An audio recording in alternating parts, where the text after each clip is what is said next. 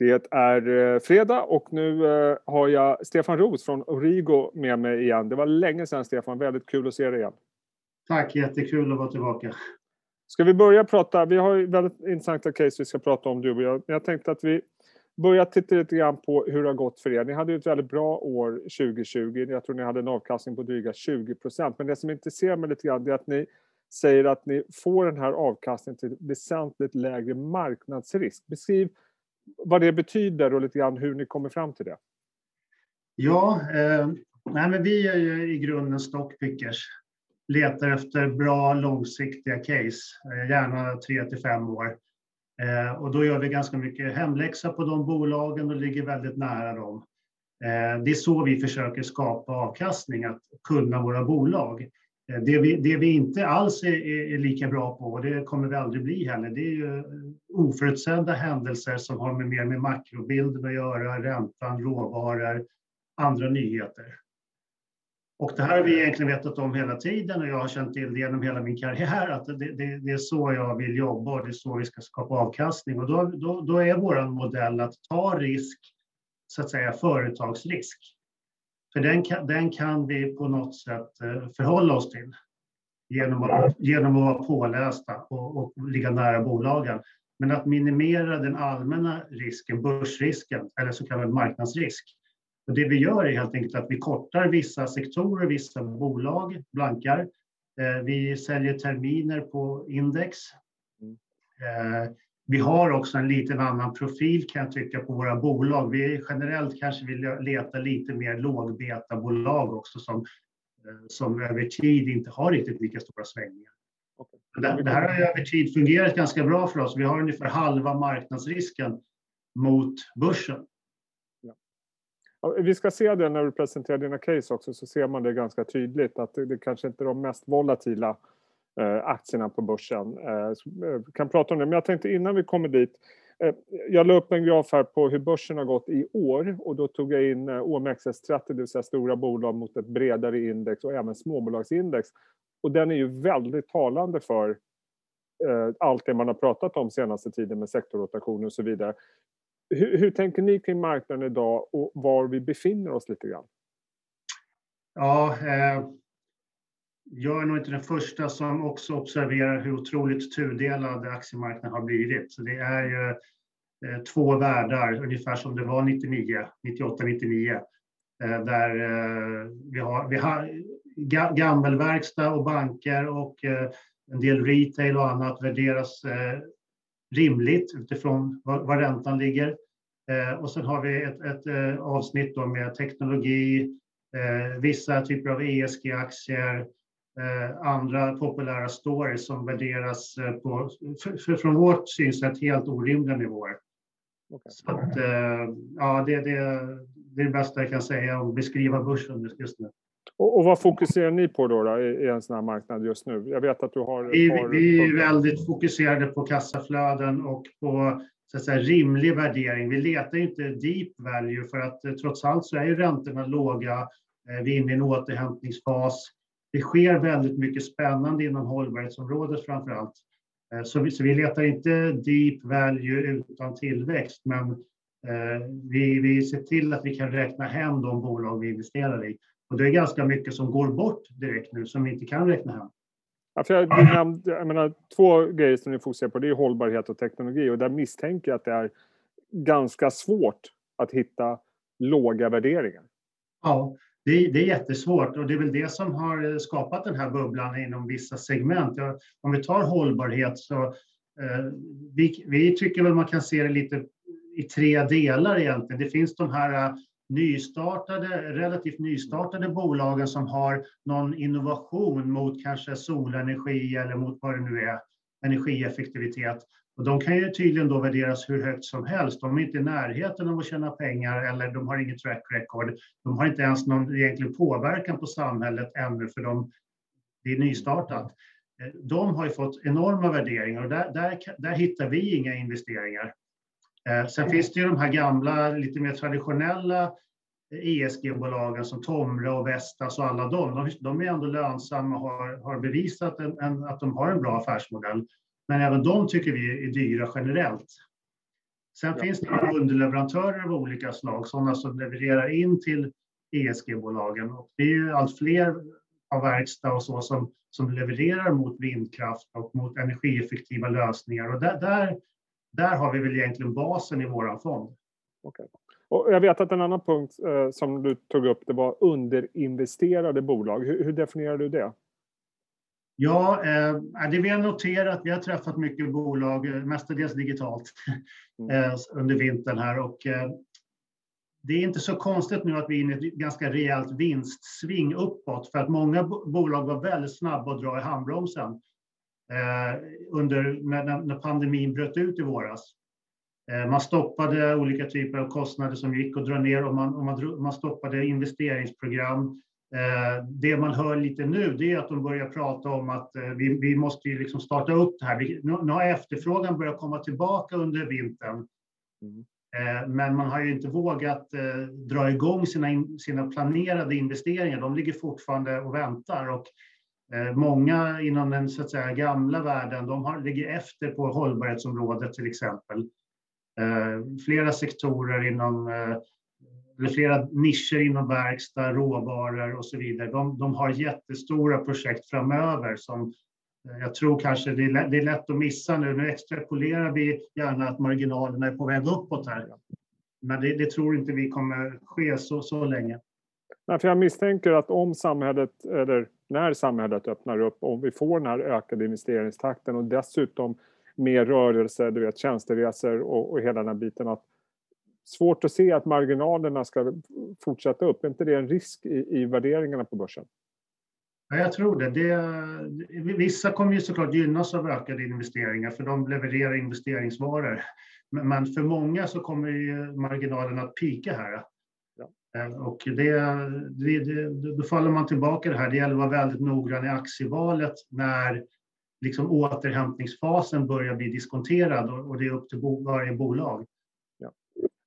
Eh, Stefan, jag tänkte att vi ska titta på tre långa case och ett kort case. Och vi börjar i Norge. eh, Grieg Seafood som är... Aktierna har inte gått speciellt bra. 2020 var av naturliga skäl väldigt tufft för dem. Pandemin slog hårt. Eh, laxpriserna var ner. Vad är caset där nu? Är det liksom hopp om att vaccinet ska öppna upp och vi kan börja gå på restaurang och så vidare och få fart på laxverksamheten? Eller hur ser ni på det? Ja, eh, det är en del Ja, men du beskrev det bra om jag backar lite. Förra året så, så drabbades de ju egentligen av allt dåligt. Ja. De hade problem med sin egen eh, verksamhet. Alltså de lyckades inte få upp så många lax, laxar eh, ur havet som det var tänkt. Eh, de hade biologiska problem med algblomning och annat.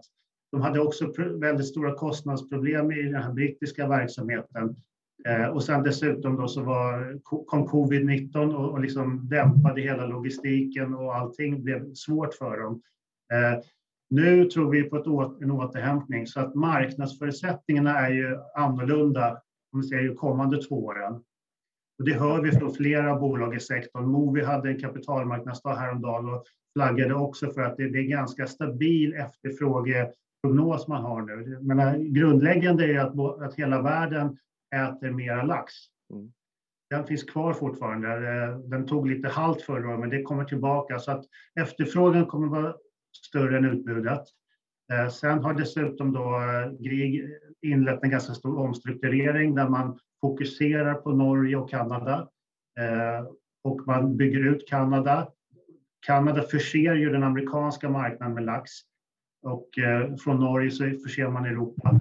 Eh, så att, eh, och då, då, då, jag tror att man kommer sälja den här brittiska verksamheten som fortfarande finns kvar men som är till salu. Jag tror det kommer ske kanske ja, inom, inom ja, första halvåret här någon gång. Okay. Och ni kallar det för en värdeaktie? Ja, den, den, den, den är på, på normaliserade vinstnivåer så, så handlas det här kanske på P 10 Eh, Mm. Eh, och, vinst, och, till, och de har växt under de senaste tio åren, ganska bra tillväxttakt, men med ett rejält hack i kurvan då förra året. Vi tror de återgår till tillväxtspåret eh, och då, då är det en ganska attraktiv tillväxt för, för det priset. Okay. Eh, vi går över till Sverige och ett bolag som jag i alla fall historiskt kännetecknas som ett borde vara ett ganska stabilt bolag, eh, Core, eh, som också aktien klarade sig ganska bra förra året. Den har fått en smäll i år. Jag tror det har att göra med att man blev av med ett större kontrakt. Jag vet inte riktigt hur, viktigt det slår. Är, är, liksom, är det ett missförstått bolag efter... För den har inte riktigt hämtats efter den smällen. Nej, men jag tror verkligen det, det faller in i den gruppen missförstådda bolag. Eh, när, när, eh, pandemin bröt ut så ra, rasade den här aktien enormt mycket. Jag tror den var ner fem, drygt 50 procent. Eh, alla trodde liksom att nu stänger man ner överallt och då blir det inga städuppdrag kvar, det blir ingen catering, det blir ingenting. Eh, men historien snarare visar ju att Core är ett väldigt stabilt bolag. Eh, de, och, det, och sen har ju rapporterna kommit under hösten och vintern och det har ju visat att det är väldigt stabilt. Eh, till och med så vissa typer av städtjänster och, eh, har ju ökat efter pandemin med nya krav på att hålla rent och så. Eh, så att kassaflödet har varit urstarkt hela tiden. Eh, det hände en sak förra året som var lite trist tycker vi. Vdn slutade. Han, han blev lockad av private equity-industrin, fick ett erbjudande. Eh, och sen så det andra som du tog upp, att de förlorade det här stora Equinor-kontraktet i Norge. Och det, det, det, är klart att det är negativt att tappa en stor kund. De, de håller tydligen på och förhandlar och det kan ju sluta med att de får tillbaka den här kunden. Det vet jag ingenting om, men Eh, men eh, underliggande har verksamheten rullat på bra. Eh, värderas otroligt lågt, också omkring P10 om vi ska ta ett enkelt mått. Stark balansräkning. Den nya ledningen pratar mer och mer om det här som en compounder. Det här, det här, det här är ett tillväxt med, med så stabilt kassaflöde och så stark marknadsposition. Nu gäller det liksom att växa det här och, och man gjorde nyligen ett förvärv tydligt förvärv som ger bidrag till vinst per aktie direkt och de pratar om att det här är modellen framåt. Så det, det, här kan bli ett bolag som läggs in i den här gruppen compounders med Adtech och, och Lagerkrans och Indutrade och så vidare om några år när de har bevisat den här modellen. Och en ganska bra yield om inte jag är helt ute och cyklar också. Absolut, jättebra yield. Jag tror det, det har väl en direktavkastning på runt 6-7 procent just nu. Så att eh, Core och Grieg, två aktier och bolag som har mer eller mindre påverkats av pandemin och borde därmed också gynnas av att eh, eh, vaccinet rullar ut. Eh, det tredje långcaset kan man väl säga, det är inte ett motsatt förhållande, men det här är en aktie som har, och ett bolag som verkligen har gynnats av eh, pandemin och det är finska Musti som bland annat äger eh, Arkenso och riktas mot djurmarknaden. Den har ju gått ofattbart bra. Vad, vad är det som ska driva den vidare post pandemi? Ja, nej, men det är ett helt annat case. Det är, det är ett genuint tillväxtbolag eh, och ska betraktas som det långsiktigt för den här trenden med eh, att vi är allt mer intresserade och vill ha våra husdjur, den, den började ju långt innan pandemin. Eh, och, och, internationellt talar man ju jättemycket om pet parenting. Ja. Eh, det vill säga att vi, vi, vi, behandlar våra husdjur ungefär som vi behandlar resten av familjen eller våra barn. Eh, så att vi lägger helt enkelt mer pengar på leksaker, på bättre premiumfoder, på alla möjliga saker som har försäkringar, allt. Så att, och det här är ju bra business såklart för en sån som Musti. Eh, som lanserat flera egna varumärken inom olika nischer till, till husdjuren. Och så kom pandemin då, då, då, växt, då ökade det här intresset exponentiellt och vi ser det på valpregistreringarna som eh, jag tror, jag vet inte hur det blev för helåret, men de är uppe någonstans 30 procent förra året. Och Must är så pass starka i Norden. De har tagit en väldigt stor... Om man, om, vi, om man ser deras lojalitetsprogram, så när folk köper en valp så är det ungefär 50 procent av alla som har gjort det som också har registrerat sig i Musters lojalitetsprogram. Så de verkar ta ganska rejält med marknadsandelar i samtliga nordiska länder. de, finns, de finns inte i Danmark, men de övriga. Eh. Om jag tittar på siffran, jag, jag rättar mig om jag har fel, men jag tror att de hade en like for like tillväxt på 13 procent i senaste kvartalet någonstans där. Eh, och frågan är vad som då igen händer efter den här pandemin. För att fler har fått husdjur, absolut, men vi kommer liksom aldrig vara 100 procent som kommer ha husdjursmarknad. Utan, menar, om jag är lite elak, är inte det här lite grann liksom ICA Axfood för djur? Med liksom en väldigt stabil underliggande business, men på sikt ska det inte vara så jättehög tillväxt. Var är det man skapar värde efter den här boomen som vi har sett? Ja, nej, men på ett sätt så jag tror, jag tror de tittar ganska mycket på ICA till mm. exempel och vill vara liksom ICA för, för husdjursägarna. Ja. Eh, men, men du, har, du, har ju, eh, du har ju hela online-biten.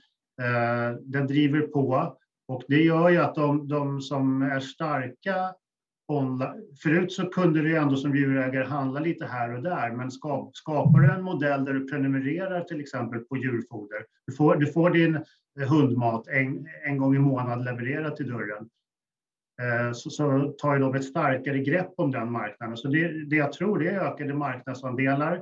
Eh, dessutom är det så att eh, den här boomen nu då med, med valpregistreringar och annat, de valparna försvinner ju inte när så säga, återhämtningen kommer nu, utan de, du, du, har ju hunden i tio år eller vad det är i genomsnitt. Eh, och eh, det, det, här kommer ju ge liksom cashflow under lång tid.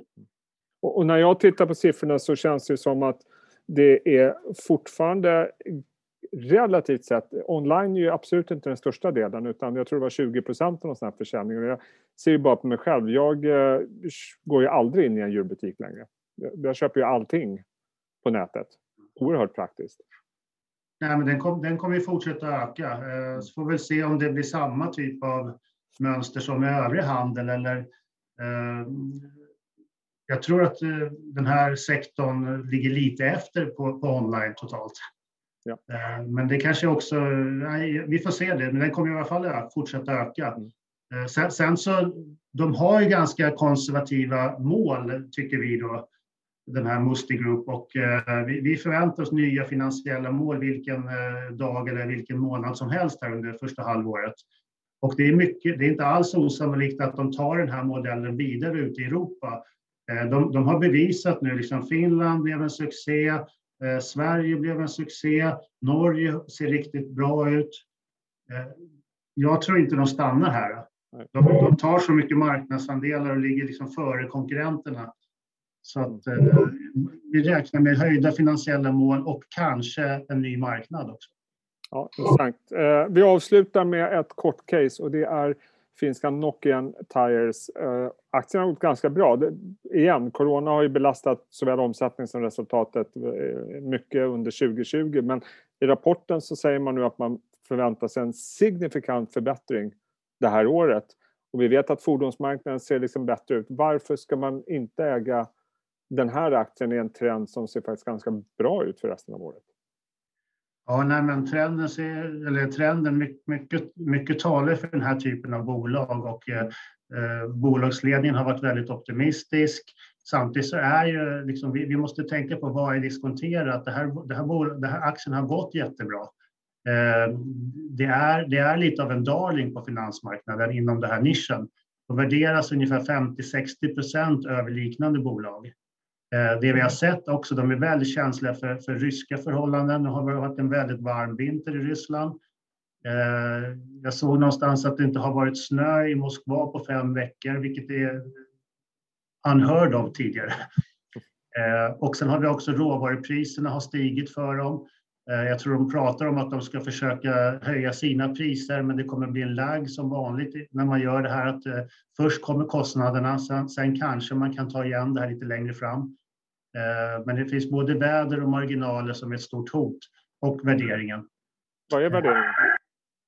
Den handlas ju någonstans drygt P20 eh, för, för, för en bilunderleverantör eller vad vi, vad vi lägger en sån för grupp. Eh, så att, ligger man på P 20 då ska man ha en vinsttillväxt som är ganska stabilt runt 10 procent över lång tid. Och det är inte de här, de här har inte, Nokia har inte varit i närheten av det. Nej. Eh, jag tror de har, vi, vi, brukar mäta rullande fem års vinsttillväxt och då, då är det ungefär flat vinsttillväxt under den här tiden i Nokia. Och då kan man inte försvara ett P-tal på, på 20 hur lång tid som helst. Det går inte.